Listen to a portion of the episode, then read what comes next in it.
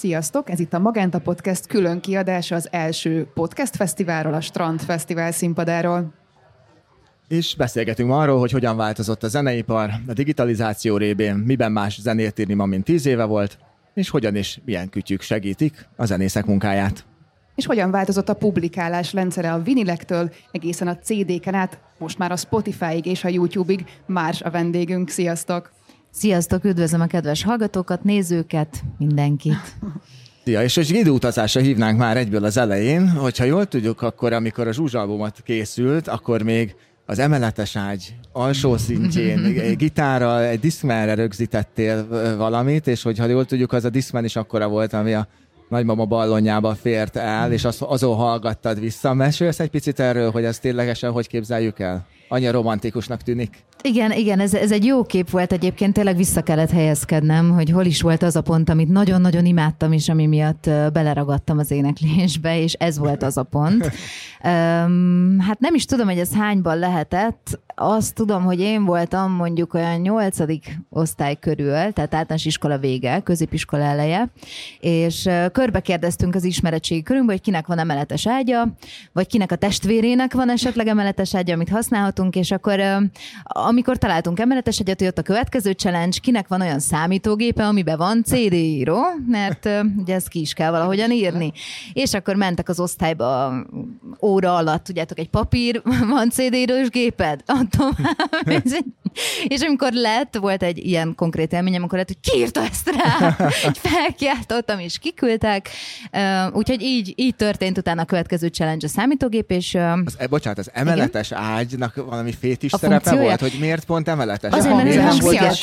Hát persze, hangszigetelt. Kivettük a matracot, és beraktuk az oldalára. És, és egy joga matracot vittem mindig magammal, bárhova is mentünk, mert hogy azzal még körbe le tudtam fedni saját magamat. Nagyon sokszor volt, hogy feküdtem, és rajtam a joga matrac, szóval volt minden. Egyébként a pandémia alatt nagyon sokszor újra éltem ezeket az élményeket, kivéve a, a CD lejátszósát, de az, hogy különböző, nagyon furcsa helyeken kellett felvennem különböző, nagyon furcsa dolgokat. Egyébként sok CD-d volt? Én úgy képzelem el, hogy te, mivel zenekedvelő lehettél már kiskorodban, és így gyűjtötted a CD-ket, és rengeteg mindent hallgattál. Hát nekem még sok kazettám volt. Köszönöm a kedvességedet, de én még egy sok kazettás generáció vagyok, és sok kazettám volt, és volt kifejezetten olyan ceruzám, amivel nagyon jól lehetett tekerni a kazettákat, hogy ne fogjon az elem ugye Kevesen értik a manapság, hogy miért, igen. mi a ceruzának a kazettához. És a mai napig, amikor egy ilyen ceruza előkerül, akkor így megdobban a szívem, hogy na ezek az én ceruzáim, ezek a fajták, és nagyon sok kazettám volt, és nagyon-nagyon szerettem a kedvenc dalaim dalaimat is rávenni egyikből a másikba, átmixelni. Hát ez, ez óriási műfaj volt. Ehhez... Kobi... Mond. Na tessék. Ehhez képest ma hogyan dolgozol? Ugye elég pici volt a gyermeked, négy hónapos, amikor a Zsuzsa albumot rögzítetted. Mi az, amit otthon meg tudtál csinálni, esetleg a baba mellett, és mi az, amihez mindenképpen stúdióba kellett menned?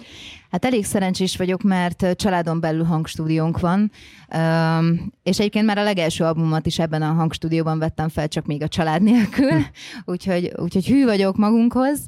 És az emeletes ágyhoz? Az volt, az volt a fontos része a van stúdiónak, otthon, egy emeletes ágy. Van otthon emeletes ágyunk, és az az igazság, hogy van olyan telekom reklám, amiben az emeletes ágyban vettük fel a hangomat a pandémia alatt. úgyhogy úgyhogy van, van, van nálatok is ennek egy kis valódi nyoma. De a Zsuzsa albumot az kifejezetten a stúdióban szerettem volna felvenni, ugye a kisbabám ő a harmadik gyermekem.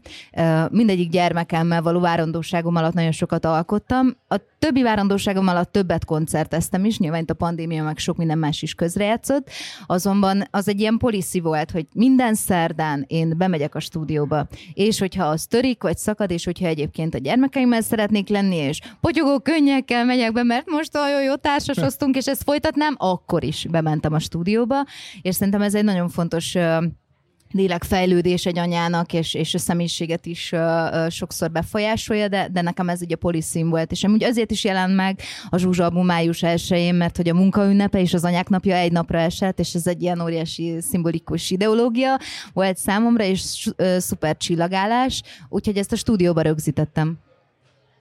És most kicsit a, a, így a zenében, ugye a CD-t említettük, ami a, a ceruzádon kívül a másik olyan dolog, nem, hogy a mai generáció max apa kocsiával látja elől a visszapillantó tükrön pörögni, mert apa még elhiszi, hogy visszaveri a trafipaxot, de hogy az is egy ilyen retro, de most már, hogy a, a Spotify ugye egy 2006-os dolog, amit két svéd alapított, illetve ugye a YouTube, akit meg ugye három volt PayPalos, ugye hirtelen módon egyszerűen sokkal könnyebbé tették azt, hogy az előadók megjelenjenek ezeken a platformokon, és a jogdíjak is sokkal könnyebben jut, jut el hozzájuk. Mennyire vagy te ezen jelen, vagy neked mennyit könnyített ezeknek a platformoknak a megléte? Hát neke, nekem elképesztő ez az egész változás, meg ez az egész aranzsálódás, ahogyan ez a folyamat történt. Tehát uh, én tényleg még olyan előadó vagyok, aki CD-n is kinyomta a legelső CD-jét, bakeliten is uh, pár darabot. Nagyon szerettem volna mindig kazettázni, és nagyon örülök, hogy, hogy ezek a retro dolgok jönnek vissza, mert hát, ha eljutunk majd oda egy pár év múlva, hogy kazettán adhatni ki egy albumot, tehát ez ne, nekem az az óriás uh, main egy point. ceruzát de... szerintem a szedbe, oh. szedbe hozzá. Köszi a Mörcsiként. Igen, igen.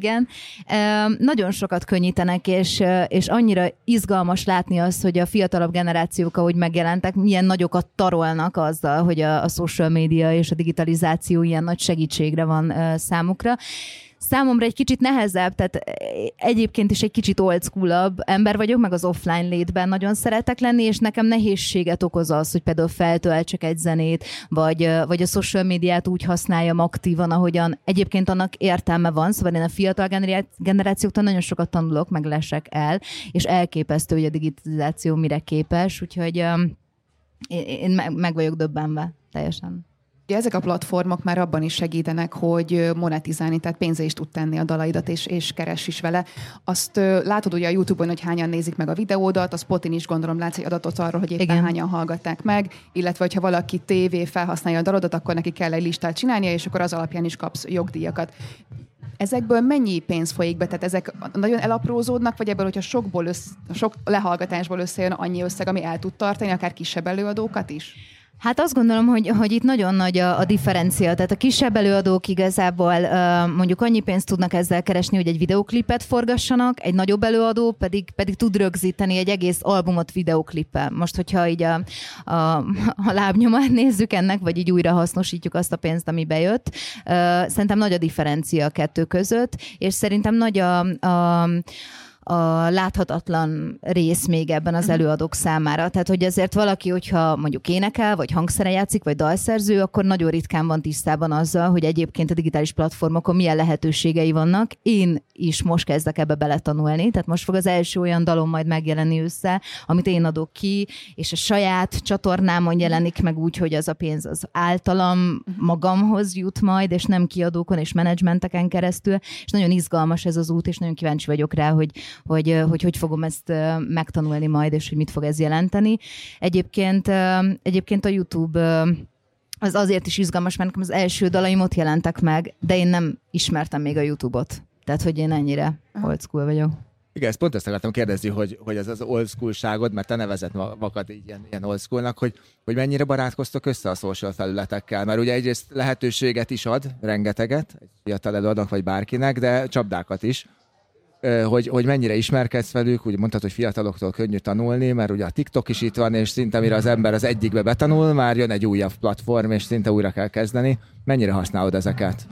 Hát én az Instagramot nagyon gyakran használom, de, de szerintem pont az én vagy a mi generációnk az, aki, akik, akik az Instagramba beszippantódtak, tehát hogy mi vagyunk azok, akik ezt teszteltük, és, és akár követtünk el hibákat is itt, mert megosztottunk olyan dolgokat, amik, amik, amiket nem lehetett volna, vagy, vagy amiből esetleg hátrányunk származott, vagy, vagy pont, hogy túl keveset, mondjuk aki, akinek a szakmájához hozzátartozik a social media, tehát én, én tapogatózom etéren, követtem el hibákat, csináltam már jó dolgokat, és keresem folyamatosan a formámat. Most egyébként egy pár héttel ezelőtt kezdtem el nagyon-nagyon nyíltan kommunikálni. Tehát, hogy nem csak posztokban leírni ilyen kis regényeket, vagy történeteket, kvázi blogbejegyzéseket, hanem, hanem a sztorikat tényleg arra használni, hogy interaktívan megismerjem azokat, akik követnek, és nekem ez elképesztő volt. Tehát annyira kedves és aranyos és szuper emberek követnek, és annyi támogató szót és, és párbeszédet töltöttünk együtt, hogy, hogy nagyon-nagyon jó élmény volt, és, és nyilván ez egy nagyon egyszerű út ahhoz, hogy megismerjük egymást, és remélem, hogy az offline térbe is tudjuk majd ezt helyezni hmm. hamarosan azért így nem annyira old school a hozzáállásod ahhoz képest, hogy így próbálod magadat rá szoktatni a digitális eszközökre, meg ezekre az online platformokra. És volt nálunk, hát tavaly évvégén szerintem a podcastben a Csorba Lóci és Igen. Böbe, akik így pont egy kraftos felkérésre mesterséges intelligenciával együtt írtak egy dalt, a Kraft dalt, te mit gondolsz, mennyire van tőle távol egy ilyen együttműködés így a mostani szemeddel? Hát számomra minden nagyon-nagyon izgalmas. Tehát most ez, ez egy kicsit ilyen máshonnan tekint erre a kérdésre, de hogy mindig a balanszot próbálom megtalálni. Tehát akkor, amikor nagyon sokat használom a social médiát, akkor utána két napig teljesen ki offolom. Amikor mondjuk elektronikus zenében vagyok nagyon sokat, tehát például a kütyükkel szőrözünk, vagy a hangzásokon, vagy kipróbálunk új dolgokat, akkor utána utána akusztikus dolgokkal nyugtatom a fülem. Tehát azt gondolom, hogy minden lehetőség szuper, mindenkinek a saját balanszát azonban meg kell teremtenie, és nagyon fontos, hogy mindent tudatosan használjunk, mert hogy ugyanúgy okoz minden ugyanúgy függőséget, mint ahogy akár egy kis játék, a social media is. A social médiának van még egy másik Másik olyan része, amivel mi is sokszor foglalkozunk, akár a podcast epizódjaink között is volt, ugye ez mondjuk, mondjuk így, hogy a gyermekvédelem. Uh-huh. Igen. És ugye te 2020-ban döntöttél úgy, hogy minden olyan képet, amin a gyermekei szerepelnek, azt törölsz az oldaladról, de hát ugye az internet sosem felejt, hogy egy ilyen régi klasszikust idézek, és ugye a továbbosztott fotók miatt azért fennmaradtak. Egyrészt miért döntöttél így, másrészt meg mennyire zavar most, hogy vannak még elérhető képek így a világhálón. Hát ugye mindig az a kérdés, hogy mennyire fogja zavarni a gyermekemet, az, hogy vannak róla elérhető képek, képek a világhálón. Pont az előbb erre céloztam, hogy, hogy én is követtem el hibákat hmm. a social médiában, mert nem tudtam, hogy ez hová jut el, és hogy, és hogy tényleg mik azok a, a sötét és árnyoldalai az internetnek, amivel még az én generációm nem volt tisztában. Számomra egyébként a mai napig ez egy challenge, hogy, hogy, hogy először nyilván a makró közösségemben beszéljek, folyamatosan párbeszédeket folytassak arról, hogy miért veszélyes a social médiában mutatni a gyerekeket, és miért rossz az, hogyha az online lábnyomát én alakítom ki, hiszen én valahogy láttatni szeretném őt, de az nem ő maga. Um, úgyhogy számomra ez nagyon fontos. Egyébként ami miatt így döntöttem, az egy konkrét eset volt. Uh, feltöltöttem olyan um, sztorikat, hogy mi tartunk valahova, és azon a helyen pedig várt minket egy ember, aki folyamatosan fotóz hozta a gyermekeimet, és aztán oh. ebből végül is mi így bírósági helyzet elé is álltunk, és többi. Szóval ez, ezek, nem, ezek nem láthatatlan dolgok, csak nagyon-nagyon keveset beszélünk róla. Ti is dolgoztatok együtt a Hintalovon alapítványjal, nekik van ez a csodálatos gondolatmenetük, hogy a Blaha Luisa térre se engedett ki a gyermekedet egyedül, Na, Igen. úgyhogy nagyjából őket tudom Igen. csak ismételni, és náluk jobbat nem is tudok mondani, úgyhogy bárki, aki gyermekvédelemmel uh, foglalkozik, vagy aki egyébként gyermekek közelében van, én nagyon-nagyon ajánlom a Hintalovon uh, alapítványnak a felhívásait és a ti közös munkátokat is, mert szerintem ez elindított egy olyan gondolatmenetet, ami, ami a mi generációnknak nagyon hasznos, nagyon kell, és bízom abban, hogy a kisebb generációk, vagy nálunk fiatalabbaknak pedig ez már teljesen egyértelmű lesz, és egyébként ezt is látom, hogy egyértelmű, úgyhogy uh, Hát Tanulnak az, a hibáinkból. És pont ezt akartam mondani, hogy azért szimpatikus ez az önreflexió is, hiszen, hiszen elismered, hogy igen, volt hibád, de felismered, és erről nyíltan tudsz beszélni, és vinni tovább azt a, azt a pozitív szemléletet, hogy, hogy miért kell erre figyelnünk. És Köszönöm majd a gyerekünk eldönti, hogy mikor akarja Igen. magát és hova ki. Egyébként Igen. nálunk nagyon érdekes ez, hogy, hogy én folyamatosan nyilván gondolatébresztő beszélgetéseket folytatok a gyermekeimmel, meg a gyermekem barátaival arról, hogy, hogy mi, mi az, amit tényleg biztonságban tudunk megosztani a social médiában, és mi az, amit elárul magadról, és hol van az a határ, amin felül már lehet, hogy meg fogod bánni. Ez, ez olyan, tudjátok, mint nekünk volt, hogy mikor csináljunk tetoválást. Igen. Tehát nagyjából ugyanaz a témakör, hogy hát meg fogod bánni majd később, mert ez ott marad. És mi mindig ehhez hasonlítgatjuk, hogy oké, okay, oké, okay, de később, hogyha az rád lenne tetoválva, akkor zavan, ó, biztos, na jó, mm. akkor ezt nem osztom meg. Mm. És már hallom vissza a kapott lányomtól, hogy hú, a múltkor a barátnője ki akarta tenni, hogy melyik pékségbe voltunk. Kérdeztem tőle, hogy magadra tetováltatnád? Mondta, hogy nem. és elhitte, és nem osztotta meg, és én úgy megnyugodtam, nehogy utánunk jöjjenek ide az osztálytársaink, és ők már látják ezt az összefüggést, úgyhogy, úgyhogy nem lehet erről keveset beszélni. Van még esetleg pár ilyen tipped, amivel te a gyerekeidet segített? Én most éppen ezen megyek keresztül, egy kislány most kapott mobiltelefont a környezetemben, és hogy hogyan vezetjük be őt a, a mobiltelefon használat és az okos telefonozás világába. Te hogyan mentél keresztül ezen a folyamaton, mivel segítettél? Hát én az első tapasztalatommal itt is követtem el nyilván hibákat, amikből tanultam, most már könnyebben mesélek erről, de nem azért, mert én Szűzmáriaként tudom ezt az utat, hanem azért, mert, mert jártam itt is, ott is. Szerintem a legesleges legfontosabb az, hogy együtt kezdjük el használni ezeket az eszközöket, és kíváncsiak legyünk arra, hogy a gyerekek mire kíváncsiak. Például, amikor megtudtam, hogy a családomban az egyik gyermekünk letöltötte titokban a TikTokot, és láttam a képernyő idejét, hogy mennyit használta, és hogy mindig titokban használta, mert nem merte elmondani nekünk, akkor elkezdtünk erről nyilván egy párbeszédet folytatni, hogy de nem úgy, hogy láttam, hanem hogy egyébként nekem nagyon hasznos lenne a márcsban, ha lenne TikTokom. Segítesz nekem, hogy megcsináljuk. Úgyhogy hmm. együtt csináltuk meg a márcsos TikTokomat, és leültünk, és megmutogatta nekem, hogy kik azok, akiket ő követ. És elképesztő volt mindenféle body positivitável foglalkozó oldalakat, recepteket. Egyszer csak elkezdett sütni, és nem értettem, hogy ő honnan tud sütni. És aztán kiderült, hogy amikor titokban a TikTokon letöltötte a Mánes muffin Szóval én számodra az a, az a tanácsom, vagy nekem számodra az a tanácsom, hogy minél több időt közösen töltsetek el az online felületben, te mutasd meg neki, hogy mi hogy működik, hogy tudtok SMS-t írni, mit jelent az, amikor te idegentől egy üzenetet kapsz, akkor arra hogyan reagálsz, miért fontos, hogy bevond a felnőtteket is ebbe a világba. És hogy ugyanúgy, mint ahogy a való életben is itt vagyok melletted, itt vagyok veled a digitális térben is. Tehát ez együtt töltött idő, a közös élmények. Ha már a kamaszoknál tartunk, ugye említetted kapott lányodnak hívod a férjed közösen nevelt lányotokat, aki most ugye kiskamasz, de Igen. ugye te 15 éves korától nevelted a, a saját testvéredet, a húgodat is. Mit látsz a, a kettőjük között, hogy eltelt azért jó pár év, 6-7 év, hogy akkori kamaszok, meg a mostani kamaszok között, ugye a digitalizációban mik a legnagyobb különbségek?